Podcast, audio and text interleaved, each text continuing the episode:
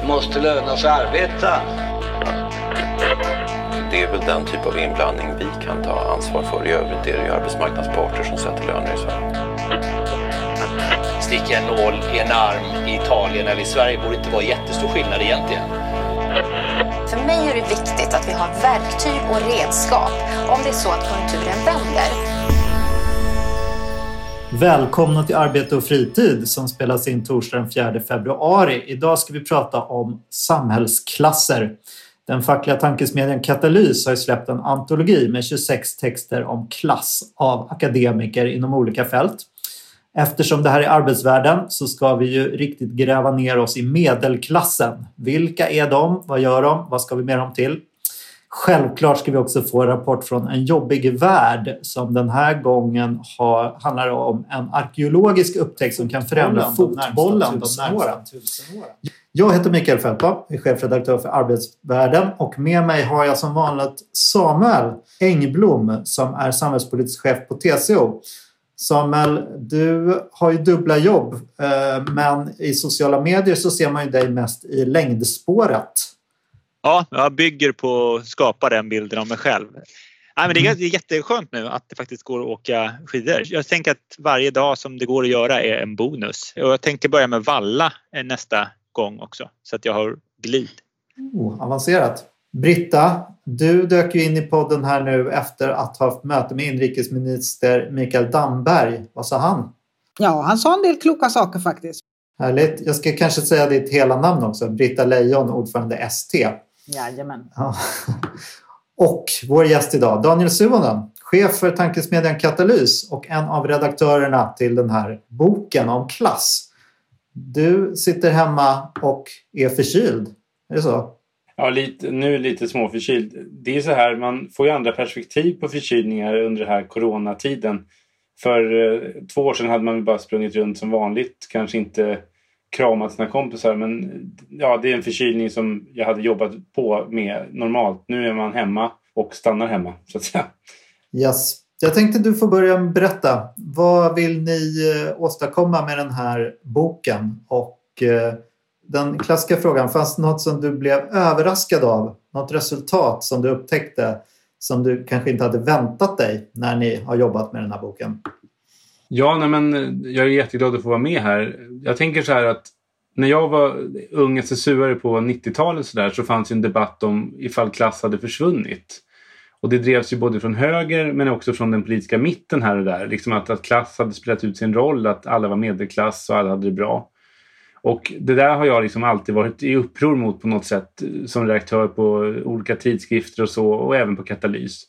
Så att när vi drog igång det här projektet liksom att kartlägga klassamhället i Sverige liksom få, så, så handlar det om att få helt enkelt en, en, kunskapsgrund kan man väl säga. Men det handlar också om politisk opinionsbildning.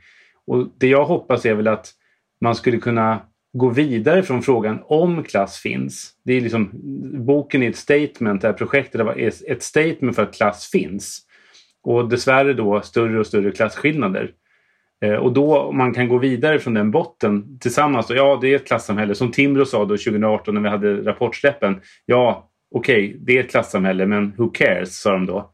Men det finns kanske de som bryr sig om detta och tycker att det är ett problem, framförallt om klyftorna ökar. Alltså, syftet är alltså ett, ett bättre bildat samtal där man kan diskutera utifrån, liksom, okej, okay, vi har det här läget nu. Vad gör vi åt det eller ska vi inte göra någonting åt det? Så att liksom, syftet är liksom kunskap, opinionsbildning och förhoppningsvis ett bättre samtal om klass och klyftor. Just det, ja, men det blir jättekul att höra vad Britta och Samuel har för takes på det här i TCO-sfärens syn på klass tycker jag ska bli roligt. Den andra frågan då, var det något som du liksom gick igång på extra som du faktiskt inte hade tänkt på innan du skrev boken? Mina kollegor på Katalys gjorde en ganska rolig sån här Hitler i bunkern-film som vi hade internt där klassforskarna Göran Arne och Terborn kommer in och, och ska rapportera till kamrat Suonen att eh, vi har fått siffrorna för klassamhället eh, liksom nu och arbetarklassen 49,5 procent. För jag hade nämligen skämtat på den första forskarkonferensen om att vi vill, ni är helt fria i det här forskarprojektet. Så att säga. Ni kommer fram till det ni vill. Vi har bara ett krav och det är att arbetarklassen är i majoritet. Och sen så när vi väl fick de här siffrorna från SCB då skrattade jag liksom i en vecka eftersom siffran då för arbetarklassen enligt Göran Arne var 49,3 procent eller något sånt där. Alltså väldigt nära i princip hälften. Men det var ju precis under så de gjorde den här Hitlerbunkern. Eh, ungefär som att liksom vi försökte styra det här. Men alltså det, som, det som slår mig med det här materialet det är ju någonstans att arbetarklassen är ganska stor. Men det som är det intressanta är ju inte liksom att det här liksom sociologiskt definierade liksom klassgrejen. Det är naturligtvis intressant i en bok om klass. Att arbetarklassen ändå är typ 50 procent ungefär. Eh, men det som jag tycker är intressant är ju jag som är en radikal socialdemokrat opinionsbildare för vänster. Det är transparent, det är ingen som, som inte vet det så att säga, som lyssnar på den här podden.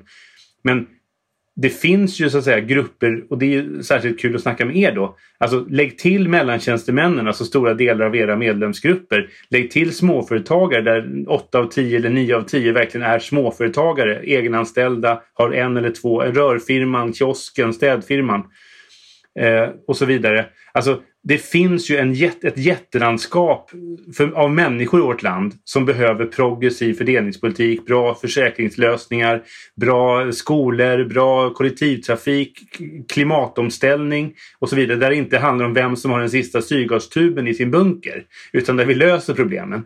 Alltså, jag tänker så här som socialdemokrat liksom att, och vänstermänniska att det jag ser i statistiken det är liksom dels att det finns ett, en jättemajoritet av löntagare i LO, i tjänstemannaorganisationer som behöver en bra progressiv fördelningspolitik. Mm. Samuel och Britta, nu kan vi säga något snabbt också. Vad gick ni igång på när ni, ni säkert precis som jag suttit och tryckt lite i boken men inte liksom hunnit igenom totalt kanske. Jag ska verkligen beställa den här boken. Då ni har ju helgen på er. Var det något som ni bara sa, ah, det här är faktiskt någonting som jag inte hade tänkt på eller liksom blev överraskad av? Eh, som sagt, jag har inte hunnit läsa den, men däremot har jag ju noterat att, att den har kommit och jag har eh, liksom eh, läst lite grann vad du har sagt om den och sådär.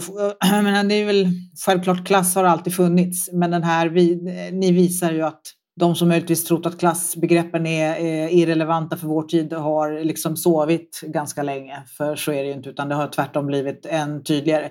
Och det är ju liksom inget som är det är inte unikt för Sverige utan det är ojämlikheten och skillnaderna mellan den lilla eliten som drar ifrån väldigt mycket på grund av kapitalinkomster och eh, ägande som premieras runt om i världen. Den har ju, det är ju ett, det är ett världsfenomen alltså. Det har ju liksom, ojämlikheten har ju ökat. Är, ni är inte först som beskriver det men ni beskriver det på ett gediget sätt när det gäller svenska förhållanden.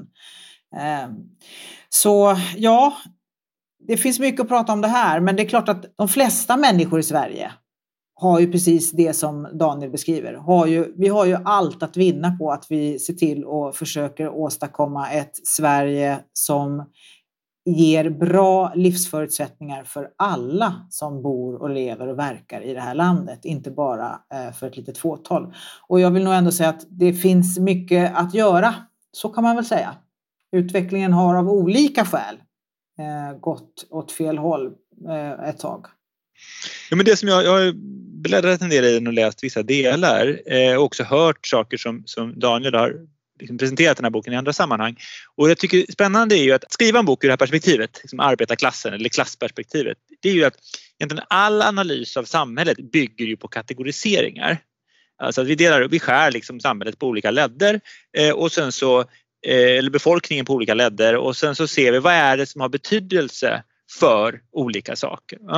Och det finns ju här, här är det också liksom en, en eh, så att säga, eh, ja, arbetarklassen men också medelklassen skuren på olika håll. För vissa saker i samhället är det inkomst som är det liksom viktiga. För andra saker i samhället så kan det vara din utbildningsnivå som avgör eh, hur du har det på jobbet till exempel. Eh, för andra delar kan det, vara, kan det handla om liksom din bakgrund som, som får väldigt stort genomförslag för, för någonting. Så att, och jag tycker det, det är ju väldigt välgörande att göra det.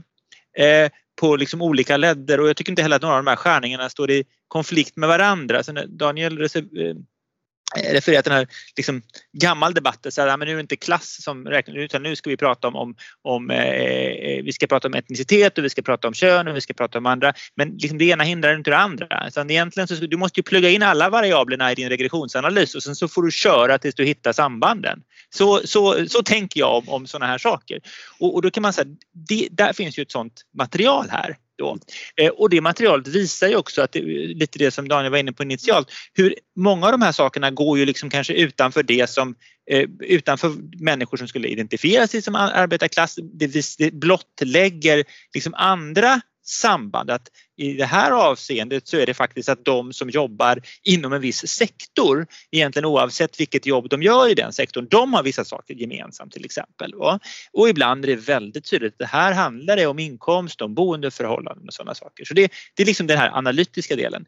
Sen har vi det här mer politiska, liksom att använda de här kategoriseringarna för att skapa eller påtala en gemenskap Eh, Eh, eller alltså förklara för människor att de har gemensamma intressen. Och, och där är ju så att säga, liksom arbetarklassen och arbetarrörelsen är ju ett, ett liksom, om vi ser historiskt, ett väldigt framgångsrikt sådant projekt. Att beskriva en, en, en eh, eh, gemenskap. Och eh, då kan man säga där arbetarrörelsen har varit mindre framgångsrik, det är ju när man inte, när man inte riktigt lyckas skapa den gemenskapen. När det blivit andra uppdelningar. Vi hade ju vår förra podd handlade om USA till exempel och, och liksom, eh, att, att fackföreningsrörelsen inte där blev starkare har ju att göra med att den var också fanns en etniska uppdelning, eller inte etniska det är fel att säga utan uppdelningar beroende på hudfärg egentligen eh, som gick tillbaka och då blev man liksom en annan uppdelning av, av, av samhället. Så det, det tycker jag är intressant. Och sen, men sen är det klart när man då pratar om vad, vad, vad, ska man göra idag när man pratar om, det kommer vi in på sen, kanske TCO-förbundens medlemmar. Liksom, är, är det nödvändigtvis ett klassbegrepp som man ska ena dem kring? Liksom? Eller hur ska den berättelsen se ut? För mig är det två, liksom, det ena är det analytiska och det andra är liksom det här mobiliserande. Just det, bra. Jag tolkar det som att alla tycker att klassbegreppet är eh, relevant analytiskt. Sen vad man politiskt gör med det, det är nästa fråga så att säga. Vi kan väl bara gå över på arbetsmarknaden. Det är det vi kommer fokusera lite på idag. Vad är de stora dragen där Daniel? Om du ska liksom dra vad, vad du har kommit fram till eh, i boken. Hur har arbetsmarknaden utvecklats de senaste 30 åren och vad kommer vi se framöver? Nej, men en, en av de saker som är en, en av de stora förändringarna är ju att vi har gått från under så att säga efterkrigstiden fram till 1990-talets början liksom full sysselsättning. Både som ett politiskt mål men också som en faktisk effekt av en politik. Eh, så vi hade liksom under egentligen efterkrigstiden 2 till 3 procents arbetslöshet. 3 procents arbetslöshet var det massarbetslöshet. Eh, och, och efter 90-talet då när vi la om politiken i Sverige och det har varit permanent sedan dess oavsett färg på regeringen så har vi liksom ett normalläge som är 6, 7, 8 procent. Nu är det lite över 8 procent under corona men, men i princip är vi, vi är något runt ett, så här, alltså normal, ett normalläge. Liksom 6-8 procents arbetslöshet är det nya normala. Det är en sån här fundamental förändring som handlar om, till stora delar om politik, liksom, eh, hur den utförs. Sen eh, det som man ser i klassstrukturen det är ju att väldigt många, alltså arbetarklassen har ju minskat. Den var ju liksom 65 procent ungefär av löntagarna, eh, eller av de som är förvärvsarbetarålder så att säga, då på 70-80-talet. Eh, men det har ju minskat då ner mot då 50 procent. Eh, och mest Får jag flika in ja, en fråga där ja. Daniel? Mm. Det när du säger, för det var också du pratade om de här 49,5 procenten ja. innan. När du då säger, vad är då definitionen av arbetarklass? Just det, nej men det är en bra synpunkt eller fråga. Liksom att vi har ju då, och det är Göran Arne, professor Göran Arne på Stockholms universitet eh, som är en väldigt erfaren professor. Som har liksom, han har ju tagit då liksom Erik Olin Wrights klasschema och försvenskat det på liksom, tillgänglig svensk statistik. Alltså, eh, vad heter det nu, det här eh, SI-koder så att säga. Han har kodat det och det är Statistiska centralbyråns körning. Så att han lägger ju då till, det är hans då teoretiska bidrag. Han tar ju de lägre tjänstemännen i SI-koden och lägger dem till arbetarklassen. Därför att, och då handlar det om makt, inflytande och så vidare. Så att det är ju liksom en teoretisk eh, tillämpning. Det var inte för att göra Daniel Suhonen på Katalys nöjd med, med klassprocent, med procenten Helge, utan det, det, var liksom för att han menar att detta är den intressanta definitionen av arbetarklass är i det här läget inte män i blåställ i industrin utan det är lika mycket undersköterskan och eh, liksom, han räknar då till de lägre tjänstemännen stora Så det bygger på arbetets innehåll? Är det det arbetets innehåll, makt och? Arbetets innehåll ja, som ja. avgör? Liksom, ja. Precis, men, men själva den här liksom, var han drar gränsen då. Gränserna kan man säga, det, där gör han också en maktanalys liksom, så att säga. Eh, och det här är ju då att försöka tillämpa teori på modern marxistisk teori så att säga, uppdaterad på svensk statistik så man inte behöver så att, gå ut och intervjua alla jobbare igen. Men jag tycker den intressanta förändringen eh, på arbetsmarknaden är ju att väldigt stor del av den här, liksom otroligt stor andel av den, så att säga, av de löntagare som har gått från arbetarklasspositioner till tjänstemannapositioner. Det är ju att offentliganställda tidigare vårdbiträden, barnskötare är idag undersköterskor, sjuksköterskor. Alltså jobben har ändrats framförallt för kvinnor. Så man kan säga att männen är kvar i större utsträckning i arbetarklassen. Kvinnorna har mer, alltså har, deras jobb har förändrats i större grad Eh, Eh, till att vara eh, helt enkelt eh, tjänstemannajobb som vi kodar om idag. Så det är era medlemmar i allt större utsträckning. Och även så att de som tidigare var helt outbildad arbetskraft så att säga, i de här kvinnojobben som, som kom då i offentlig sektor på 60-70-talet när våra morsor började jobba i offentlig sektor eh, liksom, när vi expanderade. Det var ju väldigt mycket outbildad arbetskraft. Idag är de jobben samma positioner, samma yrken är ju mycket mer högutbildade och även relativt sett utbildade. Den andra saken, som jag kan prata i 200 år om detta så ska jag liksom avrunda. Den andra saken som vi verkligen lyfter fram i den här boken det är ju den enorma förskjutning som har skett liksom i innehållet i så att säga, medelklassade tjänstemannapositionerna. Att där har ju också en, en stor, det är mycket mer press. Alltså att vara tjänsteman idag är ju för väldigt många grupper ett mycket mer proletärt yrke. Än, alltså, de yrkena är vi sitter via, alltså nu just nu sitter väl någon från TCO och granskar oss, vad vi gör, hur ni jobbar. När satte du på datorn Mikael Feldbaum? Eh, när, satt, när loggade du in på din terminal? Alltså tjänstemannajobb som tidigare var liksom fria yrken. Alltså analogt var de fria, digitalt är de potentiellt så att säga, uppbundna och övervakade. Eh, och vi, är liksom, vi har med oss jobben, det här har ni säkert pratat många gånger om i podden, tjänstemannajobben, man tar med sig jobbet hela tiden. Många som då jobbar i offentlig sektor, lärare, poliser, socionomer och så vidare har ju otrolig press i det här liksom, New Public Management-systemen och så. Va? Så att liksom, där är en sån förändring. Och det, jag vill liksom trycka på en sista sak. Det Göran Terborn beskriver som en så här, nästan i hans vokabulär revolutionär potential. Jag är lite mer försiktig. Eh, han säger så här att liksom idag måste man inse att majoriteten av löntagarna, av de fackligt organiserade löntagarna, är fackligt organiserade tjänstemän. Och den förändringspotentialen är liksom bandet mellan de här progressiva grupperna av tjänstemän, till exempel i offentlig sektor, och arbetarklassen. Det är liksom där någonstans, liksom, det är en otrolig förändring av arbetsmarknaden. Det känner man igen. Det lyftes också i eh, den här DN-recensionen av er bok att eh, är arbetarklassen på väg att göra den här revolutionen mot eh, begränsningarna av jobben på arbetsmarknaden, just den här övervakningen som du pratar om. Men Samuel, du ville komma in och det leder oss väl in på den här frågan, liksom, vad är medelklassen och hur ser villkoren ut och hur, vad betyder det här för TCO som ju ofta pratar om medelklassen och Britta också. Liksom, hur tänker ni på SD kring det här?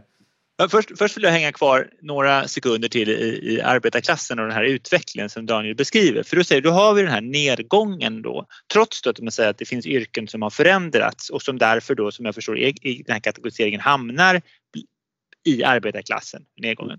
Och då kan man säga det är ju på många sätt en positiv utveckling. Alltså det ska man ju komma ihåg att det har varit ett mål för mycket av politiken i Sverige. Du vet, vi ska ha bättre jobb, vi ska konkurrera med kunskap, inte med med låga löner. Och, eh, och här, tror jag, här finns det väldigt viktigt för, för fackföreningsrörelsen att tänka på. Jag hade en, en brittisk professor en gång eh, som sa att, att han beskrev det brittiska gruvarbetarfacket som gick, deras slogan i början på 1900-talet det var No son of mine down the pit. Eh, det vill säga då. Och sen då i slutet på 70 där, eh, 80-talet, så var sloganen Save the pit for my son. Och då har man gått från att vara en rörelse för att förändra samhället till en rörelse för att bevara samhället. Eh, så det där tror jag är viktigt. Alltså mycket av det här eh, eh, den här relativa förflyttningen på arbetsmarknaden. Att jag säger att arbetsmarknaden är inte en pyramid längre utan den är mer liksom så här jämntjock. Det är en boll som är ganska tjock på mitten makten. Liksom. Det är ju någonting väldigt positivt. Det är någonting vi har liksom, eh, kämpat för och inte minst då den svenska arbetarrörelsen har ju kämpat för det. Sen får man väl säga att tjänstemannarörelsen har verkligen dragit sitt strå till stacken. Alltså just det här att, att, eh, att alla ska kunna få utbildning och sånt. Det har ju varit ett TCO-mantra. Det har inte varit ett LO-mantra på samma sätt på senare år. Det har inte varit ett, definitivt inte varit ett SACO-mantra. Utan det har, varit, det har vi slagit för. Där, liksom när jag ser på saker som TCO har gjort historiskt så, så, så är det där en väldigt viktig del av, också av vår, vår egen historia, vår egen berättelse. Så, att det, jag tror att det, så ska man nog liksom, när man ser den här förändringen. Sen är det ju intressant det här som händer inom en del tjänstemannayrken där man, man har mindre kontroll än vad man hade tidigare eh, och den där kontrollen kan ju dessutom vara väldigt subtil. Eh, jag tänkte Gisela Becklander bland annat som har skrivit om hur man eh, kanske yrkesgrupper som du beskriver som extremt, eller som man skulle kunna tänka sig extremt fria, vissa typer av konsulter och sånt, är väldigt styrda fast på helt andra sätt och upplever inte att de har den här friheten kanske. Så att eh, det där hur man, hur man styr arbete, det, det är ju och det, där, så det är kanske ett av de här exemplen på där man hittar andra gemenskaper eller andra samband än de vi traditionellt sett är vana vid. Samuel, använder ni medelklassen i ert påverkansarbete på något sätt på TCO? Eller hur, vad använder ni begreppet medelklass till egentligen? Vi använder nog inte begreppet medelklass särskilt mycket eh, utan vi brukar prata om TCO-förbundets medlemsgrupper eh, då. Sen så är det klart när vi ska, sen är det också när vi ska mäta våra medlemsgrupper statistiskt, när vi ska göra en SCB-undersökning och så vill vi kunna skilja ut TCO-arna eller TCO-förbundens medlemmar, då får vi ta olika, till olika proxys. Vi kan ta till SSYK, vi kan ta till utbildningsnivå och lite sådana här olika saker. Så. Men vi, däremot så, så har ju vi också ett behov av att kunna beskriva våra medlemsgrupper. Vi har ju haft det med TCO-landet har ju varit en sån där vi då har kunnat beskriva våra medlemsgrupper som ju är väldigt breda eh, eh, då om vi tittar och det, det är väl också det en, hänger ihop med det som, som Daniel säger att, att det finns ju TCO-förbund som är väldigt stora klasskoalitioner egentligen om man vill använda det ordet. Alltså, det gäller ju alla, det är alltså ST, Vision, Unionen, det är liksom ganska stora spann. Unionen har väldigt stort spann in, inom sig lönemässigt och arbetsuppgiftsmässigt och sådana saker. Så att, men medelklassbegreppet använder vi väl inte eh, sådär mycket. Eh, det gör vi inte, nej. Mm. Britta? Ja, nej men alltså, får jag bara backa tillbaka till det här som Daniel var inne på eh, och Samuel om, om förändringen av jobben och att eh, tjänstemannayrkena har förändrats. Eh, precis som Samuel säger så är det ju mycket som har blivit... Det är mycket som är, är, är bra i den utveckling som har skett. Men det som inte är bra och som vi i den här podden har ägnat tidigare poddar åt handlar ju också om, inte bara om att tjänstemannayrken i högre grad med digitaliseringens hjälp blir lättare att övervaka och styra. Det är ju också så att de har blivit utarmade, inte alla, men många har blivit utarmade på sitt professionella innehåll i takt med både New Public Management men också med effektiviseringen och nedskärningarna i stora av, vår, alltså stora av våra medlemsled där, där liksom i takt med att det har blivit allt mindre resurser, nu tänker jag framförallt kring offentlig sektor som jag ju kan allra bäst, men då har ju också ett svar på de nedskärningarna och åtstramningarna handlat om att ja, det blir färre medarbetare som ska göra samma jobb eller kanske till och med mer än tidigare och, då, och med, med teknikutvecklingens hjälp så, så, så går det att göra. Men det handlar också om att man faktiskt pressar medarbetarna hårdare. Och både att liksom marginalerna på jobbet försvinner och att också jobbet blir mer enahanda och det här utrymmet för den egna kompetensen eh, minskar därför att mer blir bestämt på förhand med olika manualer och rutiner och dataprogram som styr vad man ska göra på jobbet. Och det är ju ingen Eh, det är ju ingen utveckling som befrämjar eh, arbetsglädjen och det är inte heller någon utveckling som befrämjar liksom, livskvaliteten. Eh, så på det sättet är det en, en negativ utveckling, absolut. Så det, det, det känner man ju igen. Eh, så, eh, alltså, apropå det här med klass, nu vet inte jag Mikael vad din fråga var, ja, men det är just det här med medelklass om det används. Ja.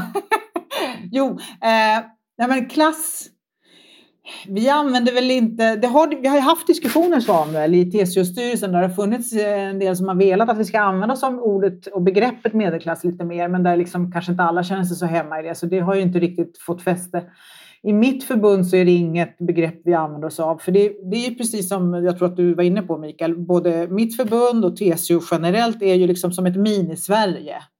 Vi har ju liksom vi, har ju liksom, vi är befolkade av människor med många olika vi återspeglar liksom hela Sveriges bredd i både politiska åsikter och i inkomster skulle jag vilja säga. Eh, jag menar, även i mitt förbund har vi jag menar, de, väldigt stort spann i inkomster, väldigt stort spann i liksom de politiska åsikterna. Så att, eh, det är klart att eh, jag brukar prata om men vi brukar ju prata om tjänstemannarörelsen. Jag brukar prata om att vi är en del av den samlade fackföreningsrörelsen. Det tycker jag är viktigt att framhålla.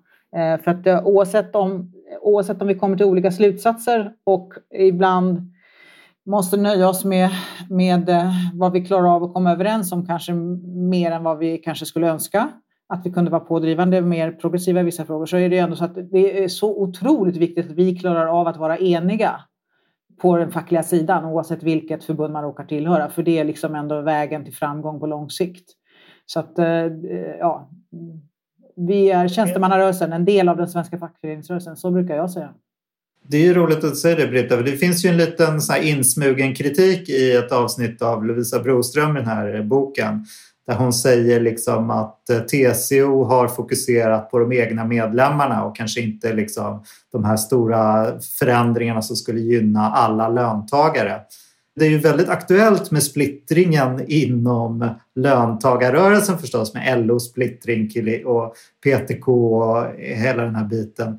Vill ni motsäga den kritiken eller Nej, finns, alltså det, det finns, finns mycket det att säga där? om det Mikael och det kanske vi ska återkomma till också. Men jag tänker bara säga att den historiska lärdomen för svensk fackföreningsrörelse är att vi har inget att vinna på att vara splittrade. Det har alltid gällt, det kommer alltid att gälla, det gäller idag också. Eh, och sen klarar vi inte alltid av att vara eniga, så är det. Men, men vi vet alla att det kommer en väldigt stor prislapp med när vi misslyckas. Alltså en, en del av den kritiken skulle jag säga beror på eh, ibland alltså, att man har uppfattat felaktiga motsättningar. Att till exempel, menar, eh, vi vet ju att våra förbund har eh, inkomstförsäkringar till exempel som ju toppar upp eh, a-kassan när man är arbetslös. Det är också sådana lösningar i kollektivavtalen. Men det har inte gjort oss mindre intresserade av att höja a-kassetaket. Det har ju tvärtom varit vår största fråga och det har blivit en större fråga. Eh, vi hade ju det som en av våra priofrågor inför ett val här för några valrörelser sedan till exempel. Eh, och det, har blivit, det är en väldigt högt prioriterad fråga för oss. Trots då så att säga att, att, att vi har dem där, eller lite grann på grund av eh, det. Eh, sen är det en annan sak som är ganska tydlig, det är ju att våra eh, förbunds medlemmar är i många fall egentligen mer beroende av kollektivavtalssystemet, av partsmodellen än vad kanske LO-medlemmarna är. Eh, just av den anledningen att de offentliga systemen och då handlar vi pratar a-kassa, vi pratar sjukförsäkring, vi pratar pensioner inte är tillräckligt generösa för att ge våra grupper trygghet utan det måste vi ordna avtalsvägen. Eh, och det, gör ju, det skapar ju liksom en, eh, apropå, en, en, kanske ett större beroende för de här kollektiva eh, lösningarna än vad, jag menar, för man kan säga att LO skulle realistiskt kunna tänka sig att a-kassetaket eh, eller taket i sjukförsäkringen höjs till en nivå där deras medlemmar får 80% av sin tidigare. Så får det här inkomsttryggheten som, som man är ganska överens om i Sverige så viktig. Eller att pensionssystemet blir så pass generöst att, att ändå ganska stora medlemsgrupper får det. Men det, kan ju inte, det kommer ju aldrig inträffa för eh, TCOs medlemsgrupper. Håller du med Britta i princip då om att eh, man tjänar på att stå enade inom hela löntagarrörelsen? Liksom? Ja, definitivt, eh, och det gör vi och jag tycker att, att eh, i de här avgörande lägena så gör vi ju det. Vi har en väldigt gemensam syn på till exempel trygghetssystemen, välfärdssystemen. Det, det där är så. Sen när vi kommer ner på förhandlingsfrågor så finns det en anledning till att en anledning till att vi tycker det är bra att avgöra saker i kollektivavtal i Sverige det är att det ger möjlighet att branschanpassa. Eller hur?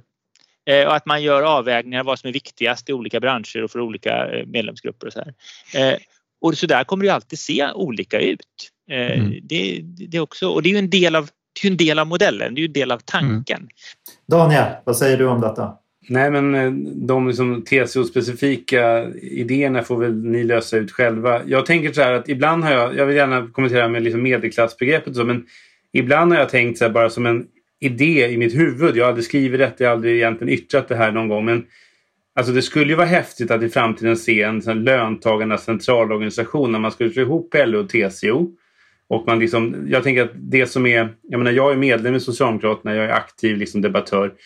Men det som avgörande som skiljer är ju så att säga, förutom vilka grupper man organiserar, är ju det att, att LO har en politisk koppling till det socialdemokratiska partiet och TCOs förbund som ofta är lika radikala i, i många sakfrågor så att säga. Inte minst de som Samuel pratar om, själva konflikträtten och trygghetssystem och så vidare. Där står ju eh, TCO ofta liksom väl så liksom på medlemmarnas sida, alltså på samma sätt som LO-förbunden i sakfrågorna, i många av sakfrågorna. Och då tänker jag så här, tänk en centralorganisation som var liksom hela TCO-spektrat, hela LO-spektrat, tre miljoner medlemmar Civilingenjörerna kan gå ut i, konflikt för hotellstäderskorna. Eller det räcker med att Unionen säger vi kommer inte förlägga några konferenser till era hotell om Scandic inte tecknar kollektivavtal med nya OB-tillägg för den här gruppen. Den här. Alltså det skulle bli en otrolig styrka. Och då tänker jag så här, då skulle man ju kunna helt enkelt göra så att den facklig politiska kopplingen den släpper naturligtvis då en sån centralorganisation för annars går det ju inte. Men förbunden kan ju fortsätta göra vad de vill, vilka partier de stödjer så att säga. Så man skulle, ja, den fackliga styrkan, det skulle förmodligen vara världens starkaste centralorganisation. Där kan man snacka om liksom facklig löntagarmakt alltså. Det är en sån här vision. Det är, liksom, det är, en, det är en debatt, nu kanske jag liksom får på tafsen här någonstans men Härligt. Är ni sugna då Samuel och Britta? Men vi befinner oss ju mitt uppe i jättemycket diskussioner i svensk fackföreningsrörelse just nu. Det rör ju på sig mycket och jag, jag, tycker vi har all anledning att fundera över hur vi organiserar oss för att på lång sikt vara så pass starka och eh, inflytelserika som möjligt. Eh, just mot bakgrund av att vi kanske på senare tid haft lite, lite svårt med att ena oss i en del viktiga frågor. Så att, ja, vi har en hel del att göra framåt på det här området. Jag skulle kanske hellre se att vi hade en sorts, i så fall en enad centralorganisation som också inbegriper begrep SACO-förbunden. Det, det, tycker jag skulle vara bra. Absolut. Men, men, eh, men det, tror jag, det dröjer nog tror jag, eh, av flera skäl. Men däremot så tror jag att vi, det kommer inte se ut som det gör idag med 60 eh, fack och tre centrala organisationer så, precis som det ser ut nu. Det kommer det ju inte göra inom tio års sikt. Liksom. Men frågan är om vi klarar av att stärka våra positioner. Vi har ju grymt mycket utmaningar, både från den politiska nivån, från arbetsgivarhåll och från den europeiska nivån som det gäller att vi tacklar på klokast bästa sätt. Och då, då kan inte vi vara splittrade. Men vad spännande. Daniel vill slå ihop LO och TCO och Britta vill slå ihop LO, TCO och Saco. Samuel då? Vad är kompromissförslaget Samuel? ja, alltså, jag, tror, jag, jag tycker den organisationspolitiska det är nog klokt att lämna till Britta eh, som är förtroendevald. Eh, det jag kan tänka är ju att eh, en intressant övning som någon skulle kunna göra det är ju att ta en del av de här intressegemenskaperna som bland annat då finns i den här boken identifierade och sen lägga dem med, över det här vändiagrammet på svensk fackföreningsrörelse som visar, för vi sitter ihop på massa olika sätt. Va? Eh, om man tänker sig ett, ett, ett, ett, förbund är med i TCO och man är med i, kanske i PTK, kanske i OFR också. Eh, man kanske har ett samarbete med andra fack inom samma sektor som facken inom industrin. Man har, det, finns liksom, du vet, det finns så många olika sådana här eh, samarbeten mellan fackliga organisationer som eh, löser olika frågor. Så det är lite så vi har valt istället att göra, så med olika samarbetskoalitioner. Här, finns en, här finns en jättebra tips till någon eh, eh ambitiös forskare, det är att ta det där vändiagrammet och sen sätta sig och fundera på de här intressekoalitionerna och liksom hur de har format den här liksom, organisationspolitiska kartan som vi, som vi har i Sverige. Mailar du det Samuel så ska jag sätta någon forskare på det. Perfekt. Men hörni, eh, när man läser den här boken då undrar man ju lite så här, okej okay, men facket verkar inte lyckas så bra alltid. Alltså, jag tänker på det här med, med, om vi fortsätter på det här medelklassens eh, deklassering liksom, som vi eh, var inne på. Det, det, framstår ju nästan som eh, historiskt bestämt att i det här kapitlet om sjuksköterskor, poliser och eh, eh, grundskollärare. Liksom, att eh, det kommer mer och mer New Public Management, det kommer mer och mer kontroll. Eh, och eh, de här grupperna, i takt med att de växer, de får lägre löner och så vidare. Alltså de halkar ner i status och eh, de mår ju helt enkelt sämre också. Det finns ju undersökningar då på sjuksköterskor som blir deprimerade av den här typen av kontroll. Hur vänder man den här utvecklingen? Nej, men alltså, jag, jag vill bråka här. Jag vill prata lite om den andra frågan innan jag pratar om den nya frågan också. Men alltså, jag tänker så här att medelklassbegreppet, alltså rent sociologiskt är det inget bra begrepp därför att medelklass är liksom en klass som inte finns. Göran Terborn eh, däremot har ju liksom, han pratar om det liksom ekonomisk, liksom inkomstmässig medelklass. Alltså de som tjänar 0,75 till två gånger medianinkomsten. Och där, den medelklassen krymper ju i Sverige. Alltså, medelklass, alltså med, mellanskikten inkomstmässigt krymper. Eh, och det där är ju liksom ganska intressant. Eh, vi har liksom granskningar av, av löneutveckling och sådär som vi kan diskutera en annan gång kanske. Men alltså medelklassen, jag tycker att det, det, det går att använda ett, på ett progressivt sätt men då måste man inse att och nu ska jag ta en tv-serieparallell då från 90-talet och 00-talet. Alltså, medelklassen i Sverige är Svensson Svensson. Alltså medelklassen är till stor del LO-hushåll och TCO-hushåll och småföretag och SACO-hushåll. Alltså, och Svensson Svensson var den här tv-serien på 90-talet. hon jobbar på bank och gör karriär och han jobbar på posten och, och blir avvecklad ungefär. Va? Eh, och hon är, jobbar, röstar på mitt, Miljöpartiet eller Centern och han är liksom sosse, gråsosse. Och jag tänker att de bor i Örebro i ett radhus och en skruttig bil. Det där tycker jag är den svenska medelklassen. Men när man har format politiken för medelklassen, då har man gjort det som Solsidan. Då liksom är det folk, båda är läk, överläkare på privatklinik och har teppanyaki och hushållerska och poolskötare. Och det är klart att det är ett otroligt eh, överklassegment av den svenska övre medelklassen. Jag tror inte att alla politiker skulle hålla med om att det är, det, är den politiken man Nej. har försökt föra. Men, men, men det, är en rolig, det är en rolig bild. Ja, ja men den, den är ju begriplig. Som att det här småfolket som på något sätt byggde liksom alliansen kring välfärdsstaten. Det är tjänstemän, arbetare, Absolut. läraren och Absolut. Alltså, det är mycket bredare skikt än LO. Och det viktiga här är ju, vad drar vi för slutsatser av den utveckling vi har haft de senaste decennierna? Vad behöver vi från mm. fackföreningsrörelsen och andra progressiva krafter göra för att se till att Sverige blir ett, ett land där människor har anledning att känna både stolthet över de arbetsinsatser de gör här och nu och framtidstro för både sig själva och sina barn. Alltså det är den frågan vi måste veta hur vi ska svara på. Och där, där vill jag ändå säga att allt beror faktiskt inte på, om det nu är så att något kapitel här säger att det beror delvis på att TSO inte har sett till alla... Ja, I två rader av 750 sidor. Alltså, okay, ja, men i alla fall, jag vill ändå bara säga så här att jag tycker att svensk fackföreningsrörelse har klarat av väldigt bra, och då inbegriper jag alla oss, liksom, mm. att, att försvara våra medlemmars eh, inkomster. Till skillnad mm. från resten mm. av västvärlden mm. så har svensk fackföreningsrörelse klarat av att leverera reallöneökningar till de som har jobb. Mm. de senaste 20 åren. Vi använder de verktyg, de kollektivavtal vi har för att försvara våra medlemmars intressen. Men den stora ojämlikheten han, finns ju dels hos de som inte har jobb, där du beskrev eh, mm. tidigare att mm. det, det, den delen av arbetsmarknaden är större idag än vad den var för 20 år sedan, 30 år sedan. Men också att den stora skillnaden mellan människor handlar inte längre enbart om inkomst utan om Eh, kapitalet och vilka, mm. vilk, hur många som äger någonting och respektive de som inte äger något. Där är också stor skillnad som har ägt rum de mm. senaste mm. decennierna. Och det handlar ju väldigt mycket mer om den politik som förs, om den teknikutveckling och den globalisering som har ägt rum och eh, ja, eh, om internationaliseringens olika effekter där, där politiken inte har räckt till och kanske inte heller alla gånger velat åstadkomma det som behövts. Alltså jag, jag tänker bara en kort liksom inhopp. Jag håller verkligen med. Alltså, det här, alltså dels reallöneökningarna, det är ju liksom en, en annan rapportserie Katalys har jobbat med. Men, men liksom reallöneökningar är ju på riktigt. Det spelar ju roll för människor, även de längst ner, att det blir 2 eller 3 procent per år och liksom i princip då 2 procents reallöneökning om året. Det spelar ju jättestor roll. Det skulle ju aldrig liksom då är man ju helt eh, tappad bakom en vagn om man inte menar att detta spelar roll. Och till och med, jag menar, det har varit en debatt här med Timbro om, om så att säga, allt är bra eller allt är dåligt. Nej, en del saker är bra, till exempel reallöneökningarna. Och till och med de fattigaste i vårt land har ju fått några kronor till. Men det är det, några har fått några spänn till på 20-30 år. Några har fått några hundra miljoner. Och, och jag tänker det att på sid 47 i boken, som ni, de flesta som lyssnar på det här ännu inte har skaffat sig, men ni, ni har ju läst den innan delvis va?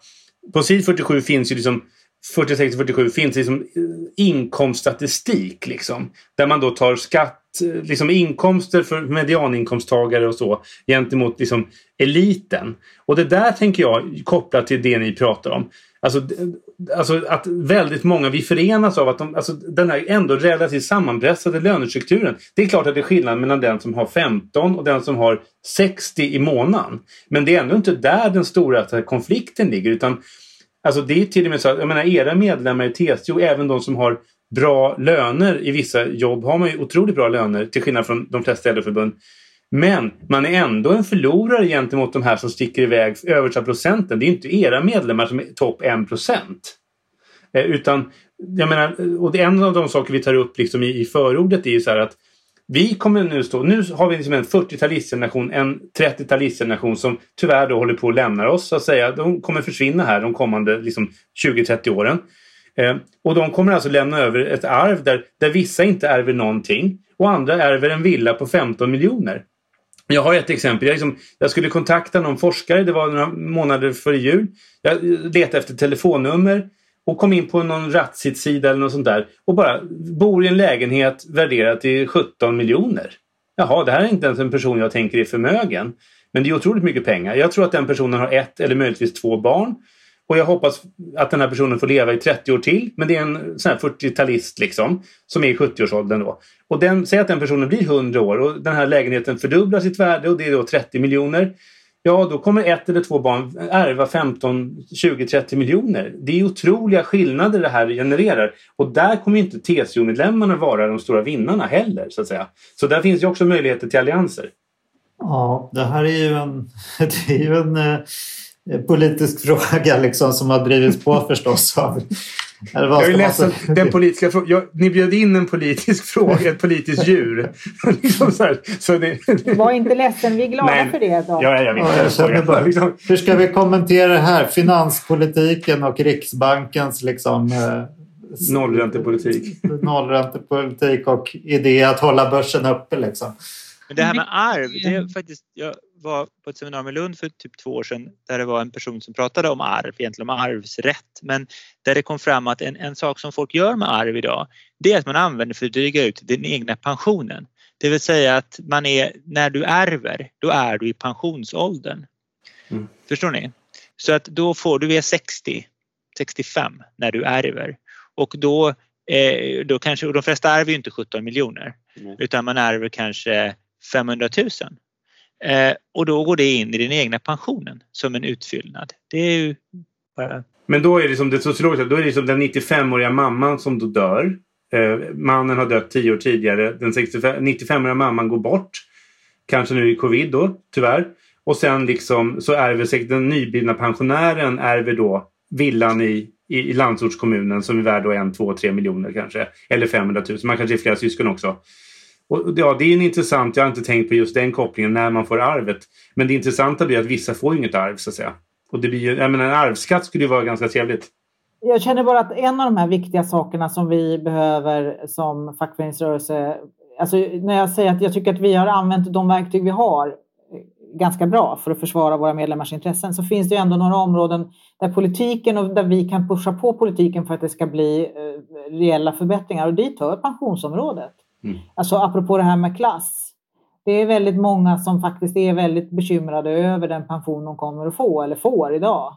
Eh, och där är det bara att konstatera att här, om Sverige ska hålla ihop som välfärdssamhälle eh, och om vi ska stärka bristerna i det välfärdssamhälle som har uppenbarats genom pandemin. Då är pensionssystemet ett av de här absolut viktigaste systemen. Det håller, om, man kan, om man vet att man har slitit ett helt yrkesliv, att man faktiskt kan få gå i pension och inte behöva vara orolig för att pengarna ska räcka.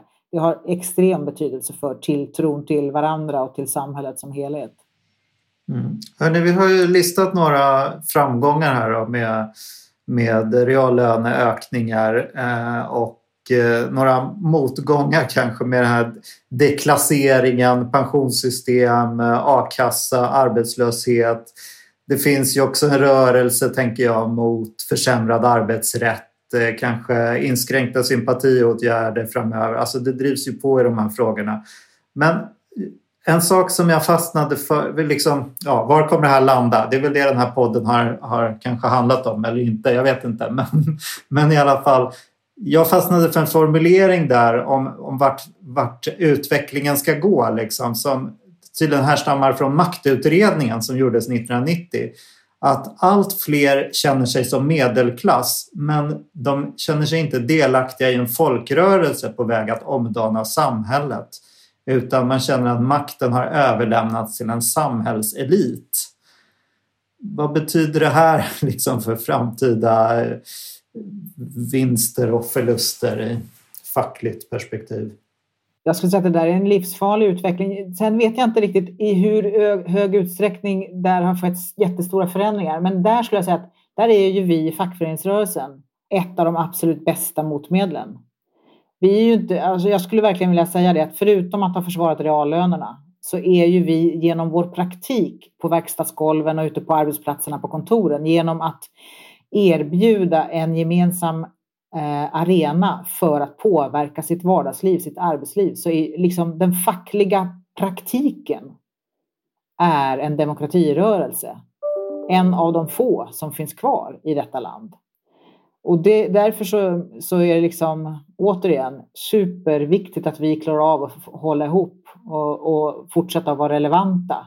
Så att nya generationer av människor vill vara med i facket. Därför att det både är bra för en själv men också för att det liksom påverkar samhället i rätt riktning. Så att det blir ett bättre samhälle att leva i. Så jag, jag, jag, alltså, jag vill gärna sjunga lovsång till den fackliga praktiken på arbetsplatsen. Och där är ju liksom också en sak som är, jag menar, de här liksom sista två decennierna av så att säga tapp i facklig organisationsgrad. Det är något som har slagit liksom oproportionerligt hårt mot låginkomstgrupper i LO-kollektivet. Idag är ju så att säga tjänstemännen mer välorganiserade till stora delar än, än, än så att säga LO-grupperna.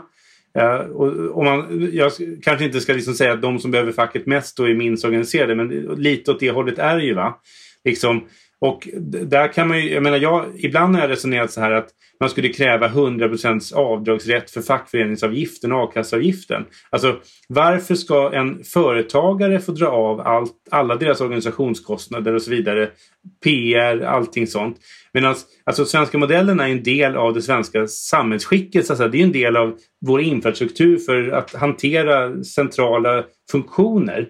Skulle staten göra detta skulle det kosta jättemycket.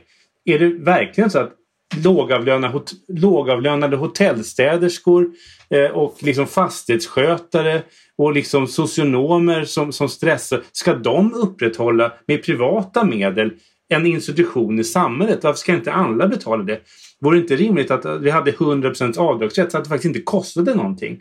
Det skulle ju vara så att, jag menar man, man, stimulerar ju saker med avdrag. Någon vill att jag uppenbarligen ska ha tre gånger mer poolservice. Nu har jag tyvärr ingen pool, men jag är stimulerad här att skaffa en av staten.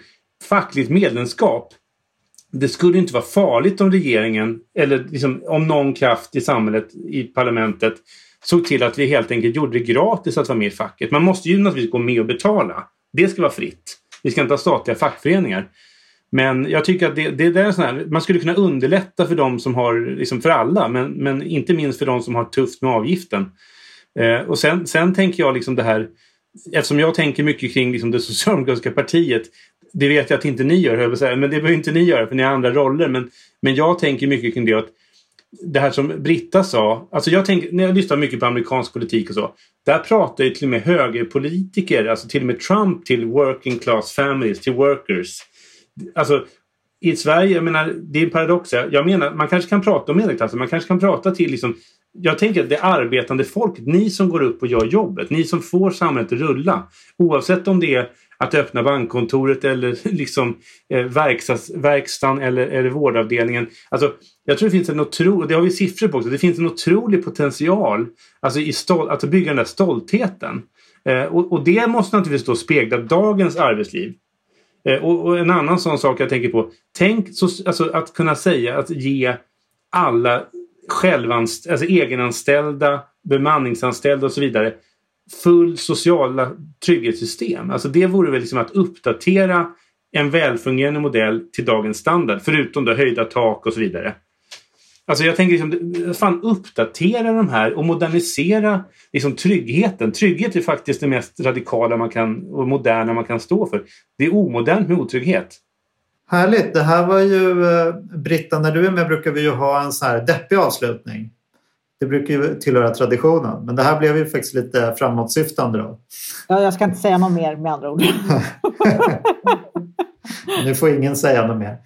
Det har varit jätteintressant tycker jag. Jag hoppas att den som har lyssnat har fått ut eh, en bra diskussion av liksom klass, medelklass och arbetsmarknad, villkor och någon sorts väg framåt möjligen också.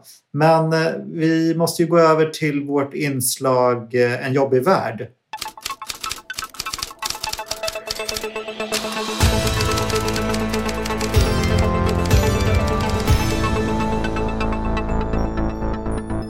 Fotbollstränaren Kim Bergstrand leder arkeologisk expedition. Nazisternas bortglömda anfallsstrategier kan vinna guld åt Djurgårdens IF. En arkeologisk expedition för att hitta Hitlers gömda taktiktavla planeras nu på klubbens kansli.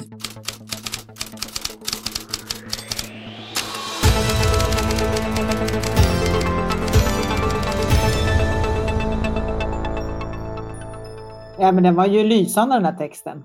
Verkligen. Eh, men eh, jag tror ju kanske att en del har synpunkter på den, det tror jag. Alltså fotbollen eller sporten har ju en fallenhet för krigsmetaforer och den är väl särskilt stark i fotbollen. Eh, och då, det handlar inte bara om hur brittiska tabloider beskriver en match mot Tyskland utan det är ju ganska utbrett. Eh, och, och då kan det ju komma sådana här eh, saker. Sen kanske det, det visar ju på någonting, kanske någonting underliggande på någon sorts syn på den här typen av frågor och önskan om en stark man och så här som man får liksom vara lite försiktig med.